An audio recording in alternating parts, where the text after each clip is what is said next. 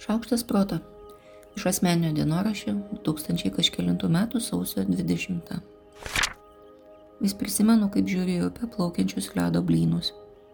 Man labai gražu, kad jie visi ir vienodi, ir skirtingi, ir garbanuoti. Ir taip gražiai šnapždasi susitikę vienas su kitu arba su krantais. Man gražu, kad jie atrodo vis nesibaigia, nes upės kepėjas niekada nenuilsta. Man dar gražiau, kad su jais galima kutenti savo suvokimo tvirtumą. Kai eini palei srovę, atrodo, jog ledai plaukia labai lietai, o kai prieš srovę labai greitai. Dar man labai patinka, kad žiūrėjimas į ledo blynus labai gerai išplauna mažai reikšmingas mintis ir padaro didelių tarpų visokioms geroms mintims, kurias kalba tyliau, bet prasmingiau. Pavyzdžiui, sakom, norim kas metus perskaityti po dešimt knygų nors viduje galvojame, nori būti protingas. O jeigu jau taip tikrai sąžiningai, tai gana dažnai dar labiau iš tiesų galvojam, nori prieš kitus pasirodyti. Žinau, žinau, mes susitelkėme būdą pasiekti tikslo, todėl ir kartojam savo tai, ką daryti, o ne tai, kas yra tikslas. Bet ar tikrai? Ar nepametam kelio dėl to kelio?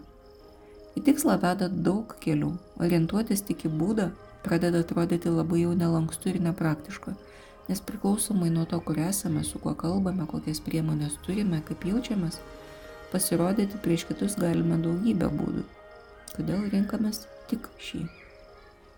Ir tapti protingu yra daugybė būdų. Žinau ir argumentus už. Visko nespėsim, kažką išsirinkti vis tiek reikia, trupinėlių lesiojimas, o nenusekli veikla kažkur susitelkus irgi gali neduoti reikalingų rezultatų. Kodėl čia vis tiek atrodo, kad reikia pusiausvyros? Nepadeda nei vien spoksojimas į didelio kalno viršūnę, nei tik savo pakojomis. Pats perskaitimo faktas visiškai nieko neduoda. Jeigu jau labai susitelkti į skaitimą, tai efektyvesnis būdas yra skaityti lengvai skaitomas knygas, o dar geriau jų santraukas, o dar geriau santraukų santraukas. Taip galima ir per dieną dešimt knygų. Tik ar nuo to būsim protingesni? Ar turėsim kuo pasigirti. Arba nori numesti bent 10 kg, nors iš tiesų nori būti graži. Arba dar po to noriu, kad patikčiau kitiem. O dar po to noriu, kad nelikčiau viena ir noriu nebijoti.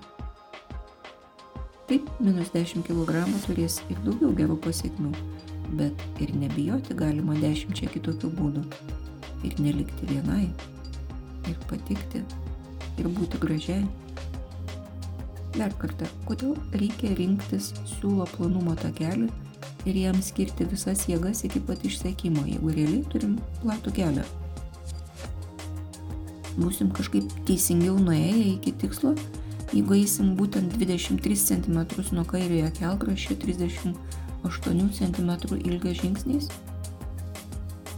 O dar ant pasirinkto būdo sukabinam visus savo norus ir po to piktinamės ar vaitojam neviltyje, kad visa tai neįvyko. Ne, numetėm kilogramus, o žiūrėk, nei labiau patinku.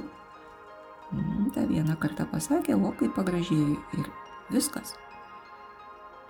Nei labiau patinku, nes pasirodo minčių skaitimas neatsirado ir vis tiek nesuprantu, ar patinku ar ne. Nei daugiau veiklos, nei baimės jausmas nesumažėjo Kodėl? Juk viską dariau teisingai. Hm. Ne, pavyzdžiui, baimės jausmą labai gerai mažina akistatos su baimėmis, o numesti kilogramai, nu, sakykime, statistiškai nereikšmingai. Kilogramų drąsą nekeičiame.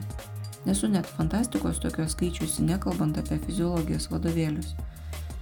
Žinoma, lengviau yra pamokyti, kaip eiti 23 cm nuo kairėje kelkraščio 38 cm ilgio žingsniais o ne kaip paeiti, pabandyti, sustoti pagalvoti, ar veikia, ar verta jau bandyti kitą būdą, o gal dar šitą, klysti, mokytis, spręsti ir vėl eiti.